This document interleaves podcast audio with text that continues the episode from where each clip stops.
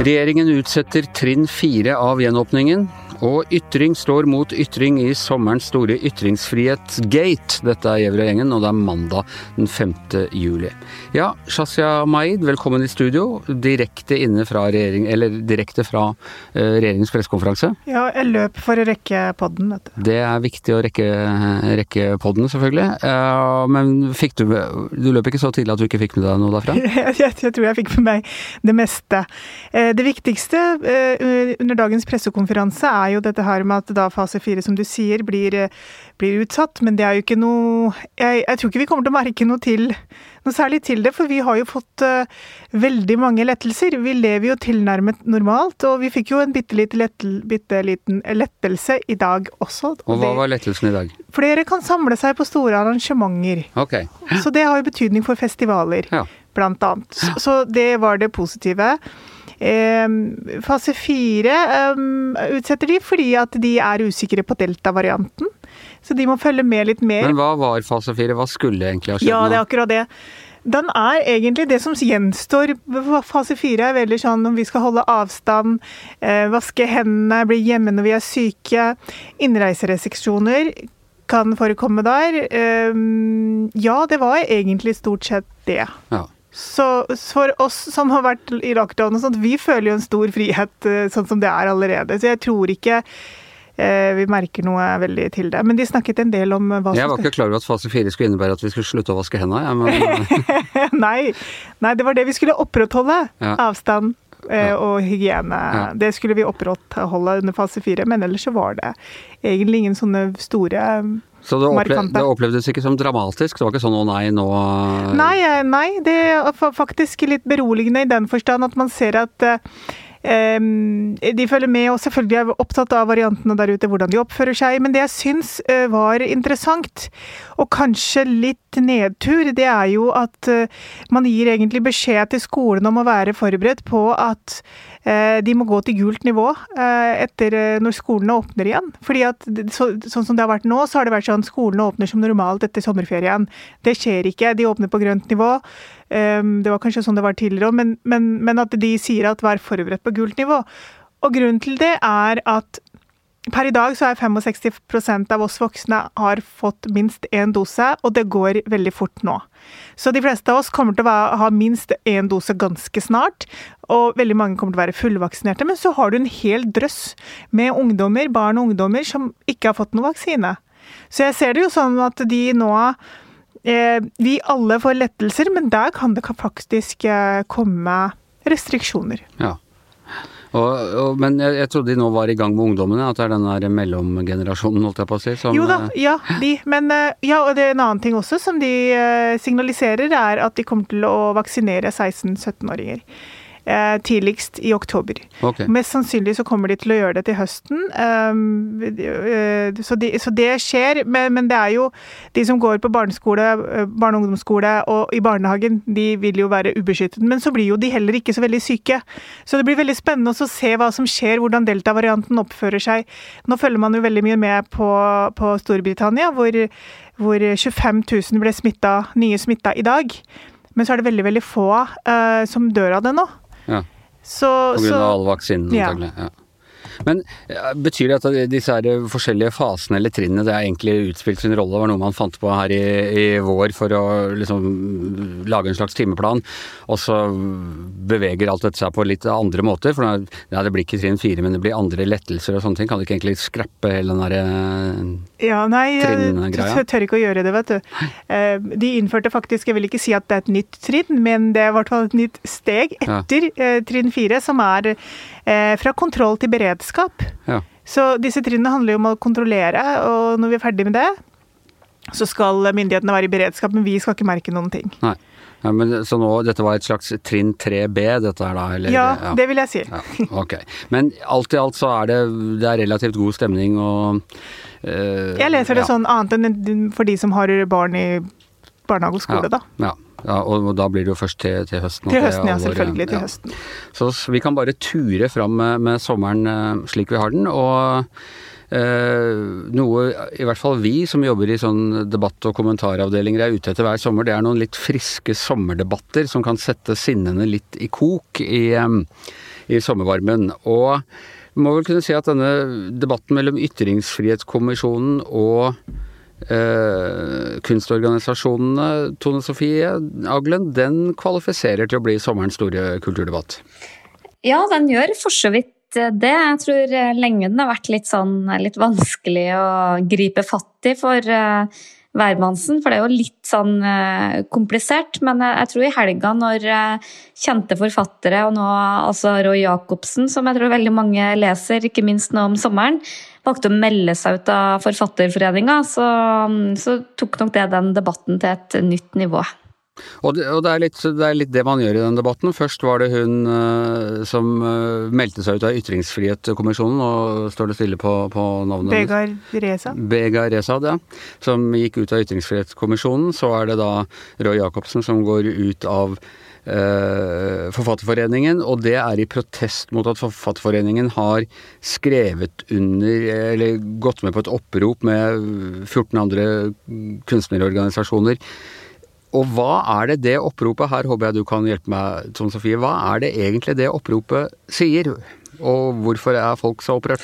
Ja, Det er jo litt uh, ullent, da, og litt uenighet også om hva det der oppropet sier. Men jeg tror kanskje vi må se litt på det som har skjedd i, i forkant. For det eh, Litt sånn stridens kjerne, eller midtpunkt, er den her sløseriombudsmannen, som er en uh, en Facebook-side med 74 000 følgere, hvor eh, en person eh, ja, kritiserer, raljerer, eh, tidvis ganske ufint med offentlig pengebruk. Det er all mulig slags overskridelser, alt fra regjeringskvartalet til konsulentbruk i Bane NOR. Men det som virkelig har satt sinnene i kok, er at han er, har vært ganske hardhendt med en del norske kunstnere som har fått offentlig støtte til en ting som jeg tror mange mann i gata vil synes er, er rart å bruke skattebetalernes uh, penger på. Og I hvert fall på, når det presenteres på den måten som det er gjort hos Sløseriombudsmannen. Da kan man, si, man viser et lite klipp fra en danseforestilling som ser litt ko-ko ut, og så sier man at dette har de fått fem millioner for og sånn.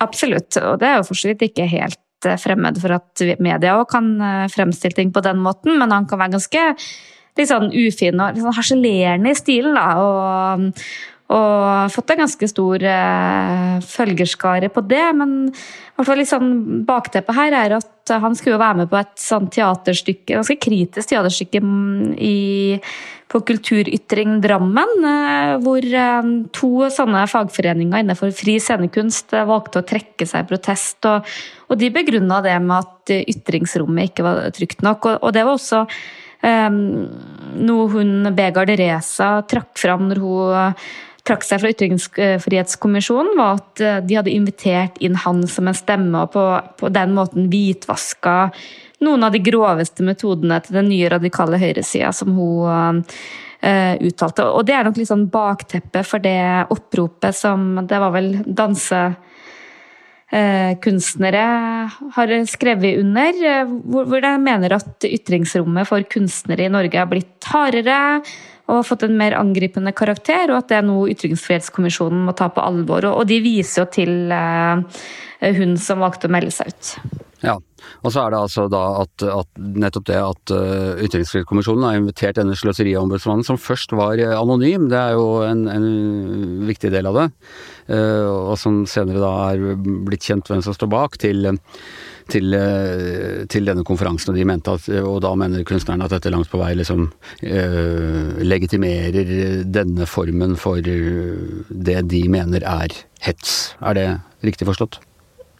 Ja, de mener at uh, selvfølgelig skal de tåle at noen stiller spørsmål ved pengebruken, men at uh, ja, Litt som om du kan sammenligne med kommentarfelt. At den måten han uh, fremstiller de på, gjør, genererer at de får mye mer hets og føler at det er utrygt. Og trekker også litt fram utsatte og marginaliserte stemmer og deres ytringsrom. Men det er også det at disse 14 andre organisasjoner har undertegna det her, deriblant Forfatterforeningen, som har uh, gitt mye debatt blant uh, norske forfattere, som uh, syns det er veldig I hvert fall noen av dem som uttaler seg, syns at det er kritikkverdig, og nå sist også Roy Jacobsen, som valgte å melde seg ut, da. Så men noe av det dette dreier seg om, er altså en ting er forståelse av hva er ytring, hva er hets, hva er, eh, hva er å skape en utrygg atmosfære. Men uh, dette med uh, å ha definisjonsmakten i samfunnsdebatten uh, er ganske er en interessant del av det. For det er helt klart at sånne som oss, vi sitter på en betydelig mengde definisjonsmakt, ikke sant. Vi har Vi sitter i store medier, vi har svære plattformer. Eh, vi er av den typen som er godt representert i Ytringsfrihetskommisjonen. Folk som kan liksom uh, har kort tilgang til, til, mediene, enten det dreier seg om uh, at de har slutta å snorke, som en av dem fikk et digert oppslag på, eller, eller mer, mer, seriøse ting. Og jeg tenker han Snorre Valen har en, en hard kronikk, vil jeg si, i Aftenposten i dag om AUF etter, etter 22. juli, hvor han skriver eh, skriver ganske rett ut at uh, folk og institusjoner som oss, altså mediene og uh, ytringsfrihetsorganisasjonene og, og, i det hele tatt, gjorde det vanskelig for uh, AUF å snakke snakke om hva som skjedde etter 22.07, fordi man liksom man, def, man la et så veldig hard definisjon på at de skulle ikke komme her og kneble oss med å snakke om ytringsfrihetsansvar, eh, eller, eller, trekke 22.07-kortet, eller eh, Utøya-kortet, og dette i, i, realiteten gjorde det vanskelig for AUF å snakke om eh, det som hadde skjedd. og mm, hva tenker du om det, Chasse? Har han et poeng her, eller er dette å, å trekke det langt? Jeg syns han har et godt poeng, og jeg har jo fulgt med på denne debatten, eh, prøvd å følge med, det er så mye som skjer. Fra sidelinjen. Ehm, jeg er fascinert, fordi jeg bare tenker Hvis dette hadde gjaldt da Ikke, ikke disse kunstnerorganisasjonene, en marginalisert gruppe, men f.eks. kvinner med minoritetsbakgrunn. De har jo vært en gruppe, en veldig sårbar gruppe, hvor, hvor enkelte enkeltmennesker har stått frem og tatt eh, veldig harde kamper på bekostning av sin egen sikkerhet. Hvordan hadde man forholdt seg til det? Hadde man f.eks. invitert en kvinne som har vært utsatt for uh, og, og, laget seg et navn og stått på, eller har en posisjon, da. Uh, og bekjempet patriarkat. Uh, satt henne i en komité med en som har kalt henne for Ehm, eh, heltinneindustrien og den massive hetsen disse kvinnene har fått gjennom tidene, gjennom alle år. Det er jo mange som har forsvunnet. Jeg, jeg har jo vært opptatt av eh, at ytringsrommet deres har blitt begrenset.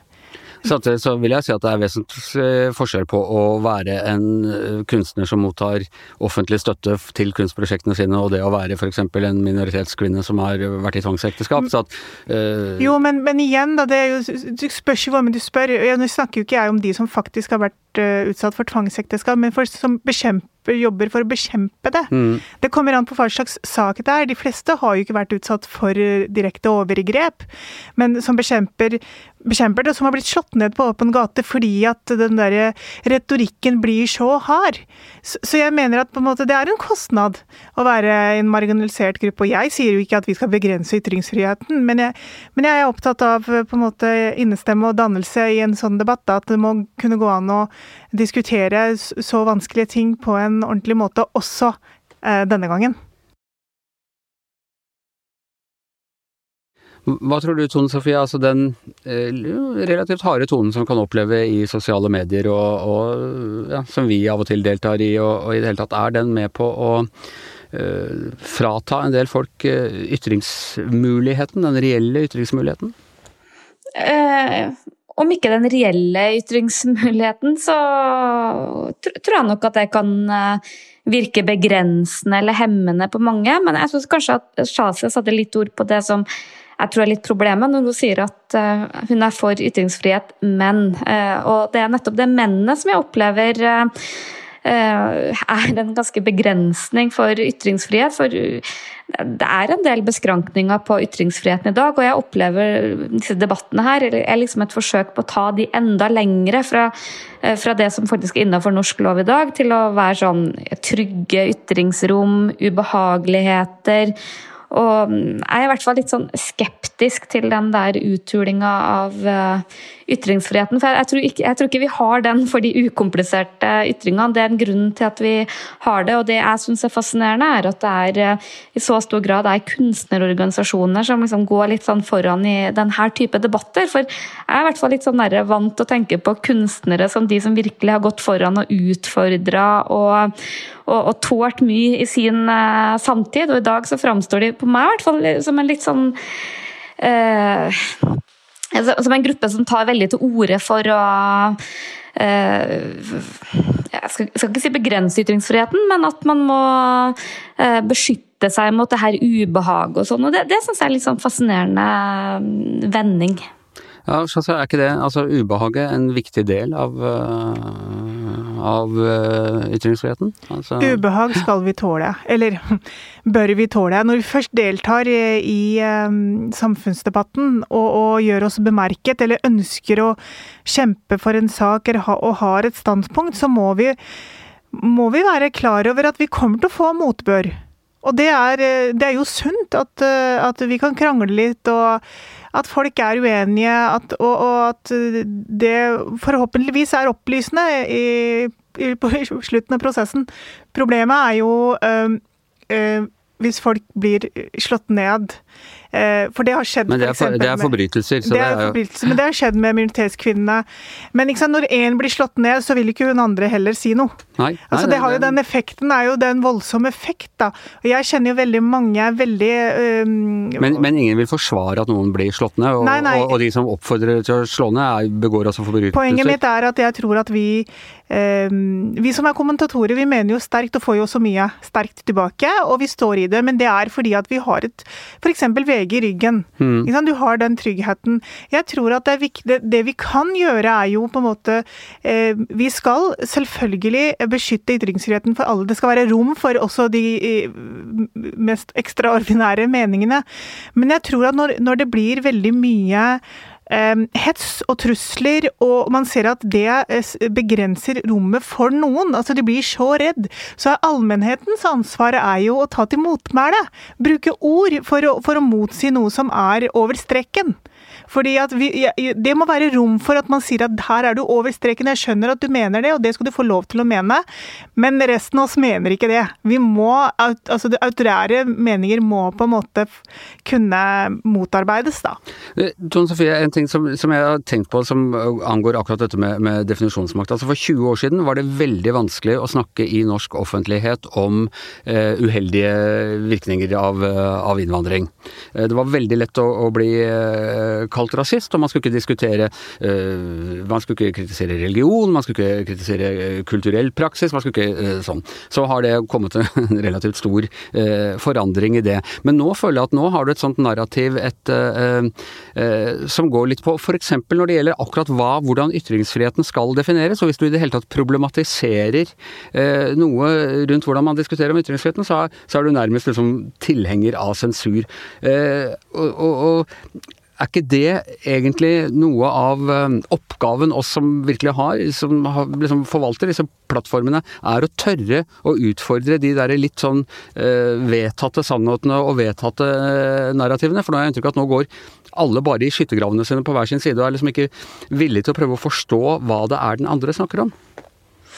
Jo, jeg syns at det er problematisk med veldig mange av de de debattene både knytta til ytringsfrihet, men også føler jo kanskje at hele det woke eh, Eh, eh, konseptet, eller hva jeg skal kalle det, som liksom ligger liksom litt til grunn her. Og, der føler jeg i hvert fall at det er veldig to skyttergraver som eh, hele tida liksom trekker fram hverandre som skrekkeksempel, uten i det hele tatt å, prøve å forstå eller diskutere. Kan man kanskje ha et lite poeng? Og, og jeg er jo selvfølgelig helt enig med Shazia at um, jeg skulle gjerne ønska meg at Sløseriombudsmannen og alle på Twitter og hvem det nå var, snakka til hverandre på en høflig og respektfull måte men, Men, men det er jo litt sånn forskjell på å, å, mene det, og da tenker jeg da har vi jo kanskje et ansvar sjøl for hvordan vi framstår i offentligheten, versus det å liksom ut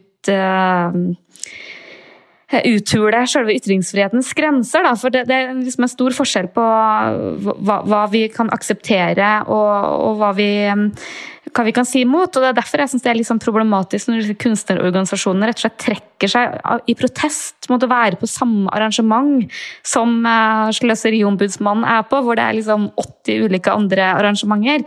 Og Det er der jeg syns at uh, at uh, det er en litt sånn underlig galei noen av de organisasjonene har gått innpå.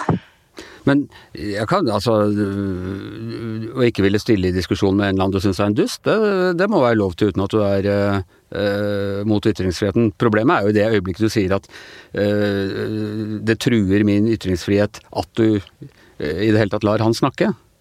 Ja, ja øh, nå mener jeg på en måte at den beste måten å ta ham på, var jo på en måte å gi et skikkelig svar, men øh, å ikke boikotte å være til stede på et arrangement hvor også han er invitert. Men, øh, Bevares, men, men, det, men, men det, er jo, det, er jo, det som er litt sånn kjernen. Men du må, jo, du må jo ha lov Det er jo ikke, det er ikke brudd på noens ytringsfrihet at du ikke vil stille opp på et arrangement. Det er en form for ytring, det også, å boikotte et arrangement, så det må jo være lov. Ja, det er selvfølgelig helt lov, men jeg, jeg syns personlig at det er en litt sånn underlig uh, måte å oppføre seg på for en kunstnerorganisasjon som faktisk får offentlig støtte nettopp for å ytre seg og kritisere og, og ha liksom full frihet der.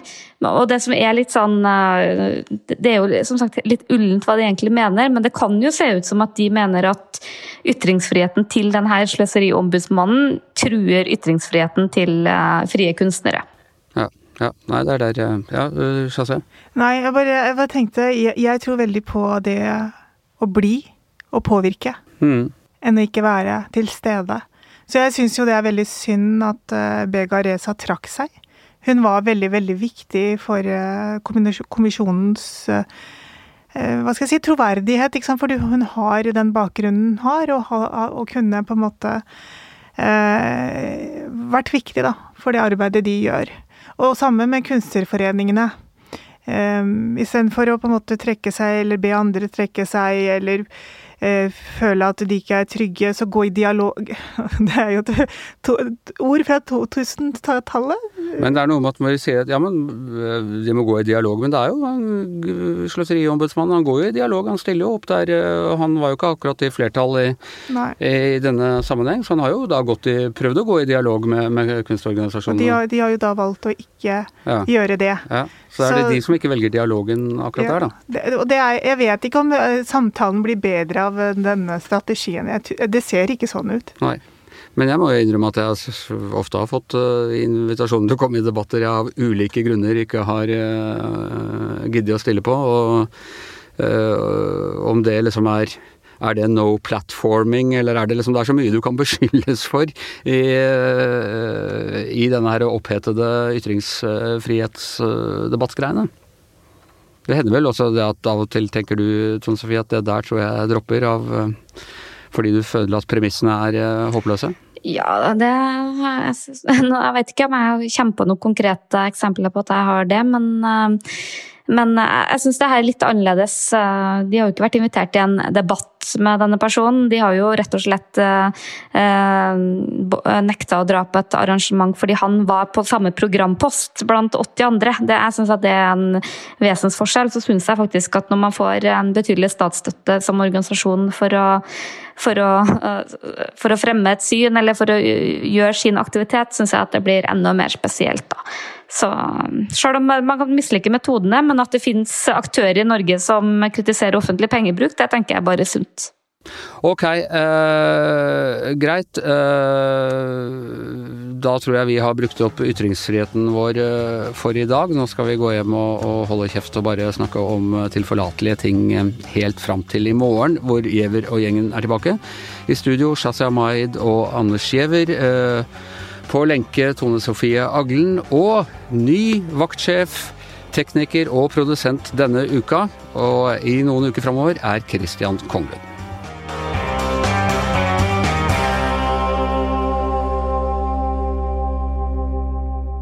Du har hørt en podkast fra VG.